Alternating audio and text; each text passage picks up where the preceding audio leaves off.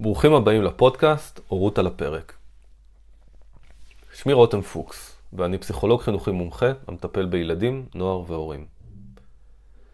לפני מספר חודשים עברתי לגליל, וכחלק מההתמקמות המחודשת, גם בתור הורה, עניין אותי לבדוק אילו מענים ניתנים להורים באזור. הפודקאסט נולד מתוך הרצון לפגוש ולהכיר אנשי מקצוע שונים בתחום. בפרק הנוכחי בחרתי לראיין את משה אוד כהן, מנהל השירות הפסיכולוגי החינוכי בכרמיאל, ולשוחח איתו על הקשר בין הורה למורה, מנקודת מבטו של הפסיכולוג החינוכי. לכולנו ברור שהורות היא משהו שנלמד ומתפתח באופן טבעי. לצד זאת, שנות העבודה בתחום עזרו לי לראות ולהאמין שטיפול פסיכולוגי בהורות היא דרך נהדרת המאפשרת שינוי וגדילה המשפיעה לא רק על ההורה, אלא גם על המשפחה כולה. האזנה נעימה.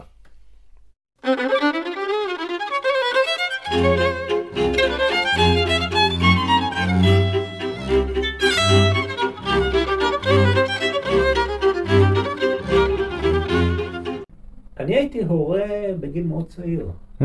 כן, אני הייתי אבא בגיל 23. ואני גידלתי את הבת שלי, אה, חצי מהזמן אני הייתי המטפלת. אשתי חזרה להיות מורה בבית Mm. ספר. אני הייתי סטודנט ועבדתי בשעות הערב, אז חלק מהימים היו לי פנויים. אוקיי. פשוט ניתנתי אותה, במקביל למטפלת, מגיל ארבעה חודשים, קטל, לנקות, כן. לעשות את כל מה שצריך, ולעשות כל מיני פעילויות. באותה תקופה הייתי סטודנט שנה שנייה ב... ועשינו סוג של פרקטיקום. והייתה לי אה, קבוצת אימהות בטיפת חלב בתל כביר, ועל העשרה של תינוקות. קיבלתי תקציב כן. לקנות כל מיני אה, משחקים ו- וצעצועים כאלה שאפשר לעבוד עם, עם ילדים קטנים, וכמובן עשיתי את זה קודם עם הבת שלי. אז גם הרוויחה וגם אתה. אני גם. סבא עכשיו. אה, גם סבא, אוקיי. אני עבדתי כאן בשירות אה, משנת 79 עד 89. הלכתי אה, לנהל את השירות בצפת במשך 21 שנה, ואז חזרתי לכאן כמנהל, Hmm. אחרי שהמנהל שהיה שלי יצא לפנסיה. Hmm. אז נניח הורה ששולח את הילד שלו לבית ספר, איפה הוא יכול לצפות למצוא מישהו מהצוות פה של הפסיכולוגים במגע עם הילד שלו? איך, איך זה מתחבר אליו? אנחנו בנויים בצורה כזו שלכל אה, מסגרת חינוכית מגן טרום חובה עד תיכון יש פסיכולוג שמלווה אותה. מצד אחד אנחנו לא חלק מצוות בית ספר, אבל אה, מצד שני אנחנו נמצאים שם כדי אה, לעזור לצוות בית ספר להתמודד עם קשיים שלנו. כל הורה, כאשר הוא מרגיש שיש לילד שלו איזשהו קושי, הכתובת הראשונה שלו כמובן זה בית ספר. אה, מחנכת בית ספר, הכיתה. אה, אחרי זה יש יועצת אה, של בית ספר. בכרמיאל יש יועצות בכל בית ספר יסודי, למרות שזה לא חלק מהתקן. המסר שעובר להורים הוא שאנחנו נגישים לא רק דרך בית ספר, אלא גם באופן ישיר. זאת אומרת, זה בסדר גמור שהורה יפנה לשירות הפסיכולוגי בצורה ישירה, ויבקש להיפגש עם פסיכולוג המסגרת ולהתייעץ איתו, גם אם הוא מבקש לא לערב את בית ספר בעניין. אוקיי, זאת אומרת, הוא יכול לשמור על הפרטיות שלו, כן. אם הוא נניח מרגיש שיש איזשהו אי-הבנה, או איזשהו משהו שהוא לא רוצה לחשוף כרגע כן. אל מול הצוות. כן. או אם יש לו איזשהו קושי בבית ו- והוא לא חושב שזה קשור לבית ספר מהמם. בכלל. הבנתי. אז הוא יכול אה, להתייעץ אה, עם הפסיכולוג. כל אחד מאיתנו סוחב בצורה כזו או אחרת את היחסים שלו עם ההורים, את אופי היחסים. ואם הגענו להורות במקום שבו אה, נפרדנו מהורינו, לא פיזית, אלא רגשית, זאת אומרת, סגרנו עניינים, השלמנו איתם, קיבלנו אותם, אה, אין לנו מטענים וחשבונות איתם, אז אנחנו, יהיה לנו הרבה יותר קל לגדל את הילדים. אבל אם אנחנו סוחבים משהו מהיחסים שלנו עם ההורים, כמובן שזה ישפיע גם על הדרך שבה נגדל את הילדים שלנו. אה, וזה יכול להשפיע לפעמים בשני כיוונים. כיוון אחד יכול להיות, אני לא אהיה כמו ההורה שלי. מה שהוא עשה לי, אני לא אעשה לילד שלי. וכיוון אחר, שלפעמים הולך עם זה, שיכול להיות שההורה יגיד את זה לעצמו, ואחרי זה ימצא את עצמו במקום של, וואי, זה בדיוק מה שההורה שלי עשה. למה אני עושה את זה שוב? שזה מופנם בפנים ופחות נשלט. איזה דברים אה, אתה כמנהל רואה שמגיעים לפתחך, שהורים עסוקים בהם? אה, בגדול, אני חושב שיש שני סוגים של בעיות או קשיים לילדים שהיית, אה, שאנחנו חושבים שההורים יכולים לסייע ולהיות משמעותיים. האחד זה תפקוד או מוטיבציה לימודית. כאשר ילדים לא מראים נכונות ל- להיות פעילים, נקרא לזה ככה, במסגרת אה, בית ספר. אה, לא בראש שלהם כל כך. ואז אה, נשאלת השאלה, איך ההורים יכולים להיות שותפים ביחד עם בית ספר mm-hmm. כדי להניע וליצור את המוטיבציה mm-hmm. אצל תלמידים לתפקד. ואיפה פה אתה רואה את, ה, אה, את הקו שבו זה הופך להיות משהו שכן דורש איזושהי התערבות יותר משמעותית, שמערבים בה את הפסיכולוג, ומתי זה משהו נורמטיבי שאפשר, אה, שההורה יכול לבד להרגיש שהוא יכול להתמודד איתו? רוב ההורים אה, מלווים את הילדים שלהם ביחס לבית ספר. ואז יש את המתכונת הרגילה הזאת, עשית שיעורי בית, לא עשית שיעורי בית, התכוננת למבחן, לא התכוננת למבחן. והם אה, יושבים על הילד אה, ומוודאים שהוא עושה את מה שצריך. אה, לרוב, אם יש שיתוף פעולה טוב עם בית ספר, ויש מערך של חיזוקים והתעניינות ומסרים חיוביים לילד, אז, אז הוא מתפקד. מתי הוא לא מתפקד? כאשר לפעמים בבית ספר הוא קצת פסיבי, ושקט כזה, ו- ולא מראה נכונות, ומצד ההורים לפעמים הם לא פנויים כל כך ל- ללוות אותו, ואז mm-hmm. הוא קצת נשמט, נקרא לזה ככה.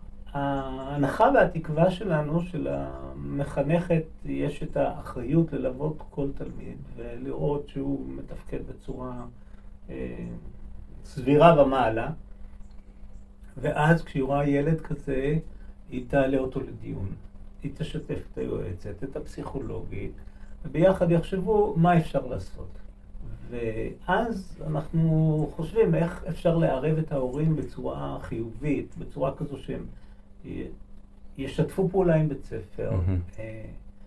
יעבירו מסר לילד שאנחנו בבית ספר רוצים את טובתך ויכולים לקדם אותך. בצורה שבה הם מתעניינים ומלווים לא בצורה של עונשים או איומים, אה, באופן אה, אוהב ואכפתי, אה, אפשר להניע כמעט כל תלמיד. אוקיי. שהוא יתפקד טוב יותר, בהנחה שבית ספר, לומדים שם דברים ש... נחמד ומעניין, לא. בהנחה שגם בית ספר מציע משהו בוודאי, שראוי לילד להגיע ולקבל. כן. הנקודה הזאת היא מאוד מעניינת בעיניי. איך אתה מייצר את המפגש הזה בצורה שתהיה כזו שההורה יכול לעכל אותה, לקבל אותה? אז זהו. אה, הצעד הראשון הוא, ש... וזו האחריות של בית ספר, לשתף את ההורים במה קורה עם הילד שלכם. זאת אומרת, לפני, בצורה שוטפת. כן, כן, כן. זה האחריות. Mm-hmm. של כל מחנכת, במידה שהיא רואה שלילד יש קשיים והוא לא מתפקד, אה, להזמין את ההורים ולשוחח איתם ולתאר להם את ה... ואז להציע להם שנעבוד, נעשה משהו ביחד, וגם בהדרכה של הפסיכולוגית, כדי שאנחנו נעזור לו לתפקד טוב יותר. תפקוד לימודי הוא לא רק הישגים לימודיים, תפקוד לימודי הוא גם אה, ערך עצמי, זאת אומרת איך הילד מרגיש עם עצמו. וכאשר ילד אה, מתקשה ונכשל ו... יורד בתפקוד שלו, הוא גם מרגיש שהוא פחות שווה ו- ולא ראוי, ואז זה משפיע גם על ההתנהגות שלו ועל הרגשות שלו כמובן. הורים בקשר שלהם עם בית ספר באים עם היסטוריה. זה יכול להיות המטען האישי שלהם אה, בבית ספר אה, והחוויה האישית שלהם בעבר. אה, אם למשל הורה אה, סיים את בית ספר עם תחושת כישלון והרגשה שזה היה מקום לא טוב בשבילי, כשהוא יבוא לבית ספר, הוא, הוא יבוא עם המטען הזה. הוא יכול להיות שהוא יבוא עם כעס וביקורת כלפי בית הספר, שזה לא הסיפור עם הילד שלו, זה הסיפור האישי שלו. אבל זה מתעורר מחדש. אבל זה, זה כבר uh, הבנה שלך כפסיכולוג, נכון? זאת אומרת, ההורה עצמו, הוא לא לגמרי מבין שהרגשות שמתעוררים בו הם לאו דווקא קשורים כרגע למקרה של הילד, אלא גם משהו מהעבר, נכון? הוא עוד לא לגמרי עושה את ההפרדה הזו. הוא לא עושה את ההפרדה, אבל התפקיד שלי כפסיכולוג לעזור mm-hmm. לצוות להבין mm-hmm. שההורה לא בא סתם כהורה, הוא בא עם ההיסטוריה okay. שלו. אוקיי. ו, ואז התפקיד של הצוות הוא להקשיב להורה, mm-hmm. להבין מאיזה מקום הוא בא. הקשר המקדים שטווה המורה עם, המו, עם ההורה, mm-hmm. והיחסים שהוא בונה לאורך הדרך והמדרגות שהם עוברים ביחד לאורך ההתקדמות של הילד בבית ספר, הם הבסיס שאליו יוצאים במפגש עצמו. זה בכל מקרה, זה תמיד. אה, כשיש לילד קשיי התנהגות, זה סיפור הרבה יותר טעון. אה, זה טעון כי בית הספר אה, יותר קשה לו. המחנכת יותר קשה לה עם ילד עם קשיי התנהגות. ילד עם קשיי התנהגות מאתגר את המחנכת גם ברמה התפקודית וגם ברמה הרגשית. ברמה התפקודית כי, כי הוא מקשה עליה אה, ללמד ולעשות את מה שהיא תכננה לעשות. ברמה הרגשית הוא, הוא פוגע גם בערך העצמי שלה כמורה טובה. הבנתי. ילד עם בעיות התנהגות זה כמו תינוק שלא מפסיק לבכות. כן, ואני חושב על ההורה, רגע, שוב, אני מחזיר רגע את הקול שלו, שבא ואומר, אה, רגע, אבל, אבל המורה לא יודעת להתנהל איתו. היא, התפקיד שלה זה להצליח אה, להחזיק אותו בכיתה. כן, זה לא שהילד עצמו... מה אתם קוראים לי בכלל? כשקוראים להורים, אה, יש מידה של האשמה ויש מטען, ולהורה הרבה יותר קל לגלגל את זה בחזרה. Mm-hmm. ו- ולהגיד לבית ספר, תשימו אותו במקום, תשימו לו גבולות, mm-hmm. ת- תעשו את העבודה שלכם, מה אתם רוצים ממני? איך אני קשור לזה בכלל? אני בבית, אצלי, הוא בסדר. שאולי לפעמים זה גם אה, יכול נכון. לקרות, זה לא... כן, כן, לפעמים זה נכון, זה בסדר. אבל גם מהבית יכול להיות. נעשה הפרדה בין מקרים שבהם הבית ספר אומר להורים, חבר'ה, יש בעיה עם הילד, צריך לעשות משהו, תפנו לייעוץ, תקבלו ייעוץ, ומנסה לעזור להורים להבין את הקשר בין מה שקורה להם עם הילד בבית לבין מה שקורה לילד בבית ספר. זה לא תמיד מובן. לבין מקרים שההורים פונים ביוזמתם, ויש להם מצוקה. המצוקה באמת צריכה מאוד להעיק ולהציק, כדי שהם ישקיעו את כל האנרגיה בלהתפנות פעם בשבוע, להגיע ולהתחיל לדבר על, ה, על מה שקורה. אה, יש אמביוולנטיות. הם אולי ירגישו מידה של הקלה, סוף סוף יש לנו עם מי לדבר ולפרוק, ואולי נפתור את הבעיה ויהיה לנו יותר קל. אה, אבל בו זמנית ירגישו באמת יותר אשמה שאולי הם נכשלו, יותר חרדה שאם הם לא יעשו משהו, מה, מה, איפה הילדים יהיו בה, בהמשך. ו, וגם חשש לגבי מה יתגלה כאן, ואולי זה יחריף את המצב ברמת הזוגיות. כי יש את החפיפה הזאת בין הורות וזוגיות. אה, להיות שני הורים מחייב שיתוף פעולה, מחייב תקשורת. וברמה אחרת, לפני שבאו הילדים, הם היו זוג, שזה היה רק אחד עם השני, על כל המשמעות, המשמעויות של זה מבחינת הקרבה. ברגע שמגיע ילד, אה, הזוגיות משתנה, זה ברור. אז יש מקרים שבהם אם הזוגיות מורכבת או טעונה, זה יקרין כמובן להורות. והתפקיד של הפסיכולוג זה באמת אה, לברר את העמדה הבסיסית של כל הורה כלפי הטיפול, ההתערבות הטיפולית, ולעזור להם להבין את המורכבות והמשמעות של זה. זאת אומרת ש... שאולי זה קשור גם לזוגיות, ואם יעלו דברים ברמת הזוגיות, אז יהיה צורך לעשות את העבודה בחלק הזה, ולא בחלק של ההורות, ופחות, נאמר ככה. אתה נוגע פה באיזשהו מקום מאוד עדין, רגיש ודק, שהורה לפעמים יכול להרגיש עם עצמו, אבל עוד לא להיות לגמרי במקום שהוא מסוגל להגיד את זה לעצמו במילים. Mm. זאת אומרת, זה מין תחושה עדינה שהוא מרגיש שמשהו לא לגמרי בסדר, משהו לא, לא חורק קצת ב, בקשר עם הילד, או ב, בקצב שבו המשפחה פועלת. זה אתגר לא פשוט. Mm-hmm. כי ברגע שאני עובד עם הורים, אני בונה איתם איזשהו חוזה. Mm-hmm. ובדרך כלל החוזה זה משהו שממוקד בילד. המטרה היא לראות איך אני יכול ליצור תשתית עם ההורים, שאני עושה שינוי של חוזה, ולעזור להם להבין את ההורות שלהם. אתה אומר חוזה, אני חושב על uh, מה, מה עובר בראש להורה שהוא שומע את המילה חוזה. Mm. אנחנו נדבר. על uh, מה המטרות שלנו כאן, ואיך נגיע לזה. כי האיך נגיע לזה הוא בעצם השלב בתוך. העבודה עם ההורים, שבו הם מבינים שכדי שהם יהיו הורים טובים יותר ויעזרו לילד, הם צריכים להבין מאיפה באה ההורות שלהם. מה משפיע על ההורות שלהם, אוקיי? וזו שאלה יפה בפני עצמה, איך אנחנו נהיים הורים? זאת אומרת, מה, מה גורם לכך שאנחנו נהיה הורים כאלה ולא אחרים?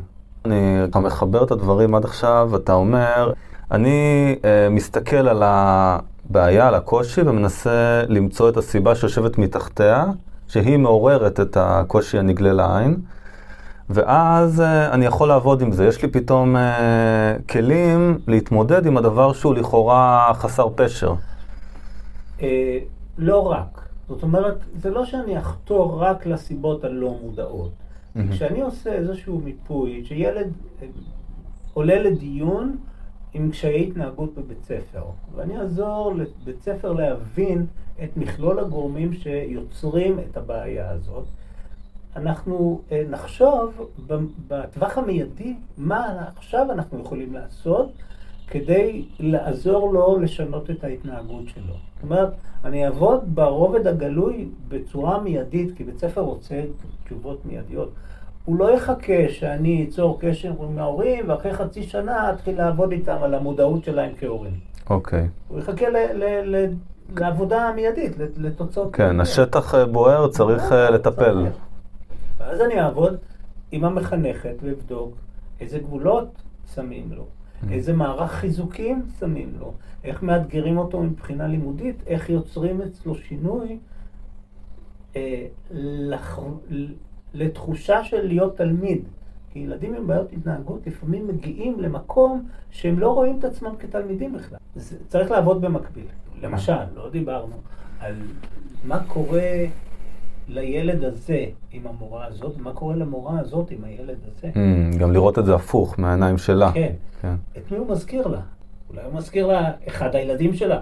אוקיי. אוקיי. זאת אומרת, או... אתה עושה גם עבודה עם המורה עצמו, בדיוק. על החלקים שהוא לא מפריד ומבין שעולים. בדיוק. שאולי הוא לא מודע להם תמיד, mm-hmm. ש... שיוצר את התגובה שלא מקדמת את הילד. אתה אומר דברים מאוד חשובים בעיניי, כי אני חושב שהורה שמגיע לבית ספר, אה, גם קצת מהניסיון שלי כפסיכולוג, אה, הוא יכול להתבלבל. זאת אומרת, הוא רואה הרבה אנשים יושבים ביחד, במיוחד שכבר נוצר שיח ויש היכרות ארוכת שנים, כמו שאמרת, אה, בכל מיני מקומות, והוא רואה צוות שיודע לדבר באותה שפה, והוא מגיע מבחוץ, ואז הוא, אולי קשה לו להבחין איך הפסיכולוג פועל לטובתו, כמו שאמרת, ואולי הוא מרגיש שיש איזשהו קשר uh, בין הצוות, גם והפסיכולוג, שלא מעודד את החשיפה האישית שלו. כן. זה, זה האתגר של הפסיכולוג, מהמם. איך אה, להעביר את המסר להורה מהמם. שהוא לא בצד של בית ספר, אלא הוא בא כן. מבחוץ לעזור לתלמיד דרך בית ספר ודרך ההורים. איזה מסר עכשיו אתה יכול אה, בתור אה, מנהל השירות הפסיכולוגי להעביר להורים שיוכל לעזור להם להרגיש שהפסיכולוגים שאתה אה, מנהל ושולח הלאה, הם אה, באים גם לטובתם, הם, גם, הם בעצם אולי הקליינטים המרכזיים זה הם, ההורים או כן. הילדים שלהם, ולא, כן. ולאו דווקא הצוות אה, החינוכי. סיכמת את המסר. אוקיי. לא מעבר לזה. אני כמנהל, אני לא מדריך אישית את כל הפסיכולוגים. אני מלווה אותם, ואיפה שאני אה, רואה שפסיכולוג מרגיש הזדהות עם בית ספר, אני בודק איתו, מה קורה כאן. לפעמים זה אפילו בשפה. לפעמים פסיכולוג אה, יגיד, הזמנו את ההורים. מי זה הזמנו את ההורים? אתה, Mm. בית ספר, או רק בית ספר? ממש בדיוק של המילים שהפסיכולוג משתמש בהם. Mm. כמה פסיכולוג אולי קצת טשטש את הגבול. ומרגיש חלק מבית ספר.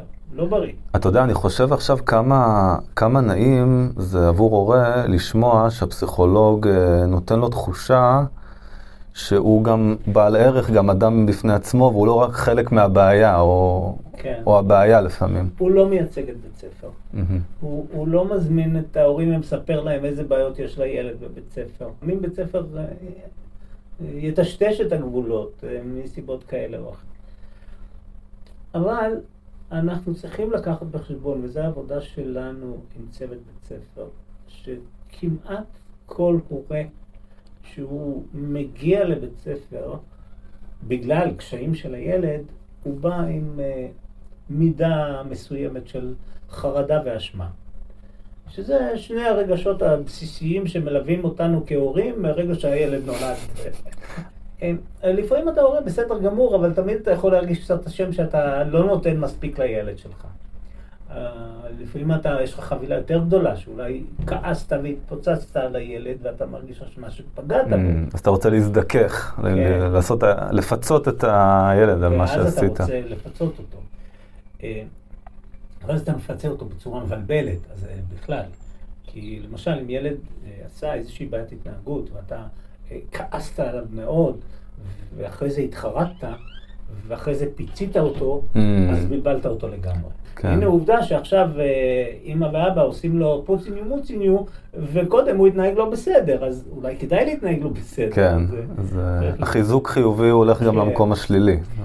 אז החרדה והאשמה היא, היא משהו שמלווה אותנו, ואנחנו עובדים עם מערכת בית הספר לעזור להם להבין שזה גם מה שמאפיין את המפגש שלהם עם ההורים. לקחת את זה בחשבון. לעזור להם להרגיש את הדבר הזה שהוא הרבה פעמים ביום יום אנחנו לא, לא שמים לב אליו, נכון? כן. החרדה היא לא מדוברת, לא... אלא אם לה אורות אה, חיצוניים. היא, היא בהרבה מקרים אה, מתחפשת לכעס ותוקפנות. אוקיי. בקשר עם בית ספר. אה, הורה כועס, הורה מבקר. נקודת המוצא שלי, ואני רוצה לעזור לבית ספר להבין את זה, זה הורה אכפתי וחרד.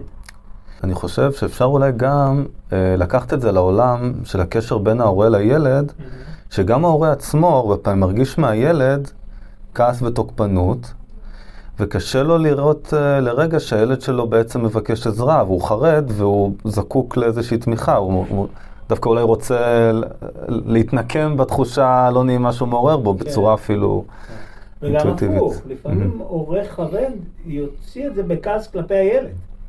מחנכת כיתה, אם היא מסוגלת להבין שהורים כועסים או ביקורתיים, אלה הורים אכפתיים, חרדים לילד שלהם, ו- והכעס והחרדה וה- והתוקפנות זה ביטוי לזה. אז יש סיכוי שאולי תכיל את זה. וואו, זה צריך מיכל מאוד גדול, אה? להחזיק כל כך הרבה כעסים לאורך היום, ו... נכון. ו- והורים היום אה, אה, בתקשורת הם, הם, הם ישירים, בתרבות דמוקרטית שוויונית, אה, הם- מורים עוברים התמודדויות לא, לא Mm. פשוטות. ואתה חושב על זה, כמה לחץ יש על מחנכת כיתה, שהיא צריכה להתמודד גם עם תוכנית הלימודים וההספק, גם עם התנהגות של התלמידים, גם עם התפקוד של הכיתה mm-hmm. בשיעורים אחרים של מורות אחרות, גם עם הדרישות של המנהלת, כן. ועם ההורים. אני חושב על הפרק זמן הנוכחי שלנו, נגיע להווה רגע, ואני חושב על ההשפעות הרחבות שעכשיו אנחנו עוברים, ניקח רגע גם את הקורונה כאיזשהו mm-hmm. סמן מאוד גדול. איזשהו שינוי שאפילו אולי רק בתחילתו. Mm. בוא תספר קצת על האתגרים שאתה כמנהל השירות אה, הפסיכולוגי פה אה, מתמודד איתם בעקבות הקורונה וההשפעה שלה על המקום שדיברנו עליו, על הקשר הזה בין בית ספר להורים. בוא נאמר ככה, שאני חושב שהקורונה יצרה שינוי מבחינת מוקד האחריות בין בית ספר וההורים. עכשיו שאני חושב על זה, אני אומר לעצמי, אה, כאילו, לפחות חלק מההורים ש, שישבו בבית עם הילדים, לא כל ההורים ישבו בבית, חלק המשיכו לעבוד, חלק שישבו בבית, בעצם אה, המוקד האחריות עבר אליהם. Mm-hmm. עכשיו, זה, זה, זה לא שללמד אותם, חלק מההורים כן, חלק מההורים ישבו עם, ה, עם הילדים הרבה יותר, אבל לוודא שהם נמצאים בזום ופה ושם, ו... אני לא מקנא במחנכות שהיו להם אה, ילדים קטנים בבית והם היו צריכים לבנות ש... אה, תוכניות בזום. שגם עם אמהות בפני עצמם וחוות את מה שההורים כן, חווים, כן, גם, ב... כן. אז אני מתאר לעצמי שכולם אה, שמחו לחזור לאיזושהי שגרה ולקשר נורמלי. אני כן יודע שבכיתות הגבוהות, ילדים שהיו אה, קצת בשוליים, נקרא לזה ככה, אה, הם, הם אה, נדחקו קצת יותר אחורה, בגלל שהייתה אופציה להיעלם. יש לא מעט אה, כיתות שמורות היו, היו עושות אה, שיעורים בזום עם ריבועים שחורים. אבל אז הילדים שהיו בשוליים, בהרבה מקרים נשמטו קצת, והיו לנו לא מעט פניות בנושא של ילדים עם תגובות דיכאוניות, קושי לחזור, כן.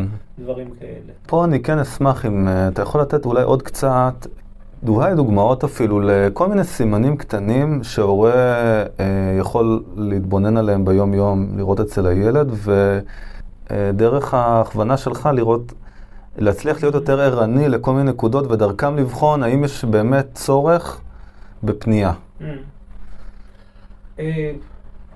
העיקרון שאני מאמין בו זה שאם אתה מתלבט, תפנה.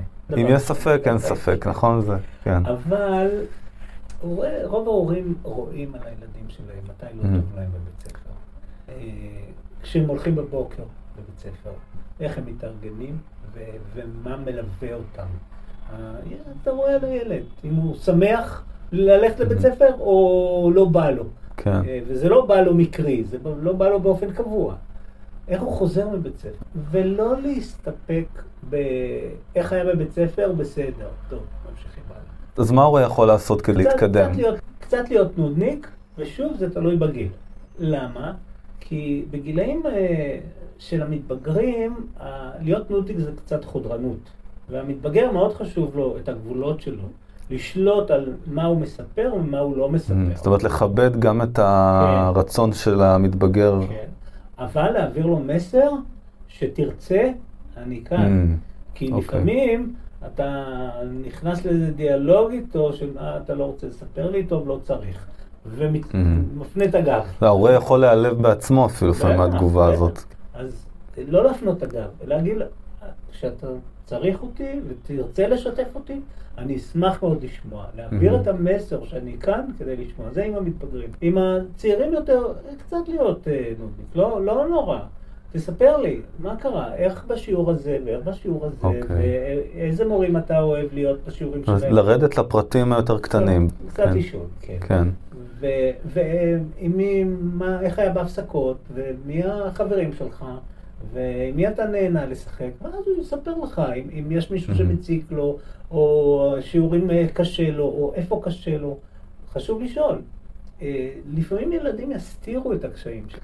מתחבר לזה שאמרת אה, שיש גם ילדים שלא רואים הפרעות התנהגות, והם אולי לא יודעים לסמן לסביבה שקשה להם, ואז הם נשארים כאלה ברקע, שקופים כאלה. איך מגיעים אליהם? קשה לפספס ילד ביסודי. איפה מתחילה הבעיה? מתחילה בחטיבה ובתיכון. עם כל הרצון הטוב של מסגרות החינוך בכרמיאל, להשקיע בערכים ובחינוך ופעילויות, עדיין אה, יש להם את אה, חרב הבגרויות, נקרא לזה. שהיא חרב של כל התלמידים של כל במדינה. כן, כן, כל המדינה.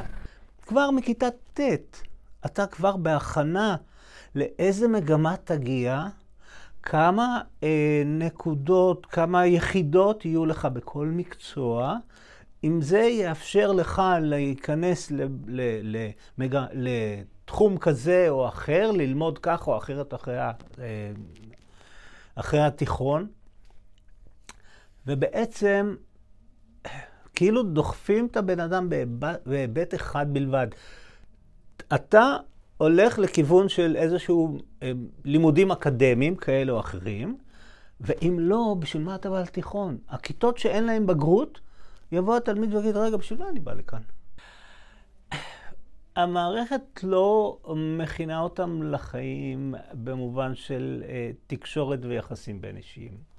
היא מתבססת על זה שזה יהיה בסדר. זאת אומרת, הם ילמדו לבד. אבל תנסה לחשוב כמה אנרגיה משקיעים הנערים והנערות ביחסים החברתיים שלהם, הבין-אישיים והקבוצתיים, בגיל ההתבגרות, וכמה אין להם ליווי של מבוגר שיעזור להם לאבד את זה, גם ברמה הקבוצתית וגם ברמה האישית. אה, זה נקודה אחת. והדבר הזה הוא, הוא בסיס בכלל ל... אה, אם מסתכלים על ה... איזה... מה אתה רוצה אה, לראות כשהמתבגר מסיים את, את י"ב? אתה רוצה מישהו שיצא לחיים עם איזה שהם כישורים. היום הכישורים הנדרשים ברמה האישית וה, והתקשורתית וה, והקבוצתית הם הבסיס כמעט לכל תפקיד. אז היום מדברים על הדברים האלה בתור מיומנויות יסוד. ו, ואיפה לומדים אותם? אתה יודע איפה לומדים אותם הכי הרבה? במסגרות החינוך המיוחד. דווקא שם יש את הטיפול הקבוצתי, יש את הטיפול האישי, יש את הנושא של תקשורת, ובחינוך הרגיל אה, עושים בגרות. איפה יש לך את החלק של למשל, כמו אחרי הטיול, לספר איך היינו, כמה שיתפנו פעולה, איך התארגנו, איך עזרנו אחד לשני, מה אנחנו לומדים מזה לחיים. אין בכלל את הדברים האלה. יחסי בנים-בנות. נכון, ליועצות יש מיליון תוכניות. מיליון תוכניות. אבל העומס שיש עליהם לא מאפשר להם להיכנס ולעשות קבוצות של 15 תלמידים ולעבוד על הנושא של אה, יחסי בנים-בנות, אה, מיניות, אה, התמודדות עם אלימות, מיליון נושאים יש בגיל ההתבגרות, ולמשרד החינוך יש מיליון תוכניות טובות. העניין הוא שהוא לא מיישם אותם ברמה המשמעותית. זאת אומרת, הוא, הוא לא נותן את המשאבים בצורה כזו שיעשו משהו משמעותי, אלא הוא לפעמים עושה וי. שכאילו, אה, דיברנו על מניעת התאבדות, הכנסנו את היועצת לכיתה של 40 ילדים לדבר פעם ב... אני לא יודע כמה זמן. נושא אחר זה ההיבט הקוגניטיבי. זאת אומרת, עד כמה מספקים את הסקרנות של הנערים והנערות ל... לעשות חלק מהזמן מה שמעניין אותם. מה שבאמת חשוב להם, מה שהם, בלי קשר אם יעשו את זה בעתיד כמקצוע או לא. אבל לפתח סקרנות ולאפשר לממש את הסקרנות הזאת, אין זמן לזה. כי רצים ללמוד חומר, אתה מבין? אז בא, בא תלמיד, אם יש לו איזשהו תחום עניין, לפעמים הוא אולי ימצא זמן אחרי שעות הלימודים. אה, וכאן הדעה שלי אולי קצת אה, רדיקלית, אבל אני אומר אותה בצורה גלויה. הייתה לי הזדמנות להגיד אותה גם למנהלת המחוז וגם למנכ"ל משרד החינוך. מערך הבגרויות בעצם הוא מכתיב את הדרך שבה מתנהל החינוך. במרכאות בתיכון וגם בחטיבת ביניים. זה לא כל כך מאפשר לכל מחנך להכיר כל תלמיד ולראות מה הקשיים. שלו. זאת המשימה המרכזית היא עכשיו הולכת לכיוון הבגרויות, והרווחה הנפשית של הילד יכולה להידחק אה, הצידה. נכון, היא, כן. משנית. אה, כל מערך הבגרויות הוא אמצעי סינון לאקדמיה. נקודה. זה, את זה זה משרת. מהמם. זה לא יוצר בגרות רגשית כזו או אחרת. מהמם. זה בעיה מאוד רצינית. אני חושב גם על מנהלי בית ספר שאמורים לח- לחבר בין לא, הכתבים לא. האלה. הם- יש סתירה מהותית במטרות שהן מוצהרות. אז אנחנו כהורים אה, מתיישרים עם הנורמות של החברה, ו, ו, וזה Mhm. מקשה עלינו לפעמים להיות אמפתיים לילדים. כן. אתה יודע, אני שאלתי את הבן שלי שהוא למד בתיכון, דני, מה, מה אתה אוהב אה, ללמוד? תסתכל עליי ככה. הוא לא, לא הבין, מה זאת אומרת אוהב? אני צריך. אחרי, חשוב, הוא אומר לך. אחרי הבגרות תעשה מה שאתה מעניין לך. כן. אחרי הבגרות תעשה מה שצריך. אה, איך אתה רואה קדימה את ההתפתחות? דיברת גם על הצרכים והקשיים שיש בשטח היום. הצגת גם אה, את האתגר הגדול הזה של הבגרויות והדרישות הכפולות שיש מול המערכת וההורים.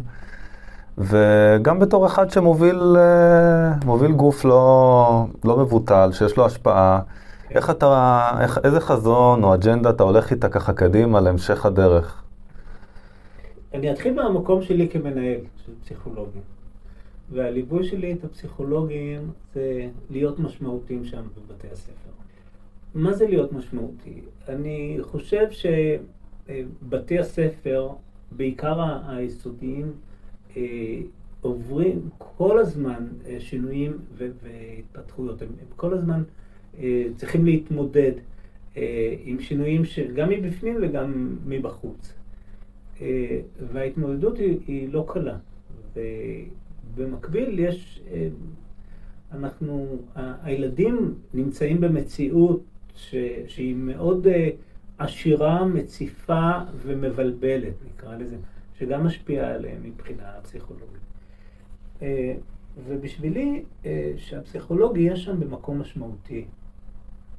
ליד הנהלת בית ספר, ליד מנהלת או מנהל בית ספר. אה, מלווה את הצוותים בחשיבה, בפיתוח דברים, בהתמודדות עם. כל מה שנדרש מהם. אה, וכאילו יש שתי מטרות. אה, מטרה אחת לעשות טוב, מטרה שנייה להקל את הרע. לתסכל. לא, להוריד את מידת אה. ה- הלא טוב, בוא נאמר ככה. אוקיי. כן? שכמו שפרויד אמר, שלפעמים מטרה של טיפול זה לה- להוריד את הסבל. כן ליצור תנאים להתפתחות ולאושר, אבל להבין שפה ושם יהיה קשה. ואולי עוד מילה אחת אה, לגבי ההורים. אתה מרגיש שהורה היום, במצב הנוכחי, במקום הנוכחי, אה, יכול להגיד לעצמו שיעזור לו להחזיק את האתגרים שהוא נמצא איתם? אתה יודע, יש אה, כאילו תגובה כזאת שמישהו בלחץ, אומרים לו, אל תהיה בלחץ. אז בא לי להגיד להורים שהם אשמים, אל תרגישו אשמים, זה בסדר. אז אה, אל תרגישו אשמים במובן של, אנחנו נמצאים במציאות מאוד תובענית, וקשה להיות הורים היום. יש המון דילמות, ומה, איך להשגיח על הילד, למה הוא חשוף, ואיזה תנאים יהיו כדי שהוא יתפתח בצורה הכי טובה. כן, זה, אני חושב שאתה פותח פה אה, ערוץ מאוד משמעותי בעיניי. ה- ה- להיות ביחד ולא להיות לבד זה, זה גם איתנו בעצם, גם אנחנו הפסיכולוגים פה בשבילכם. בהחלט, תודה רבה. מאוד היה לי נעים לשוחח איתך. כיף. להתראות.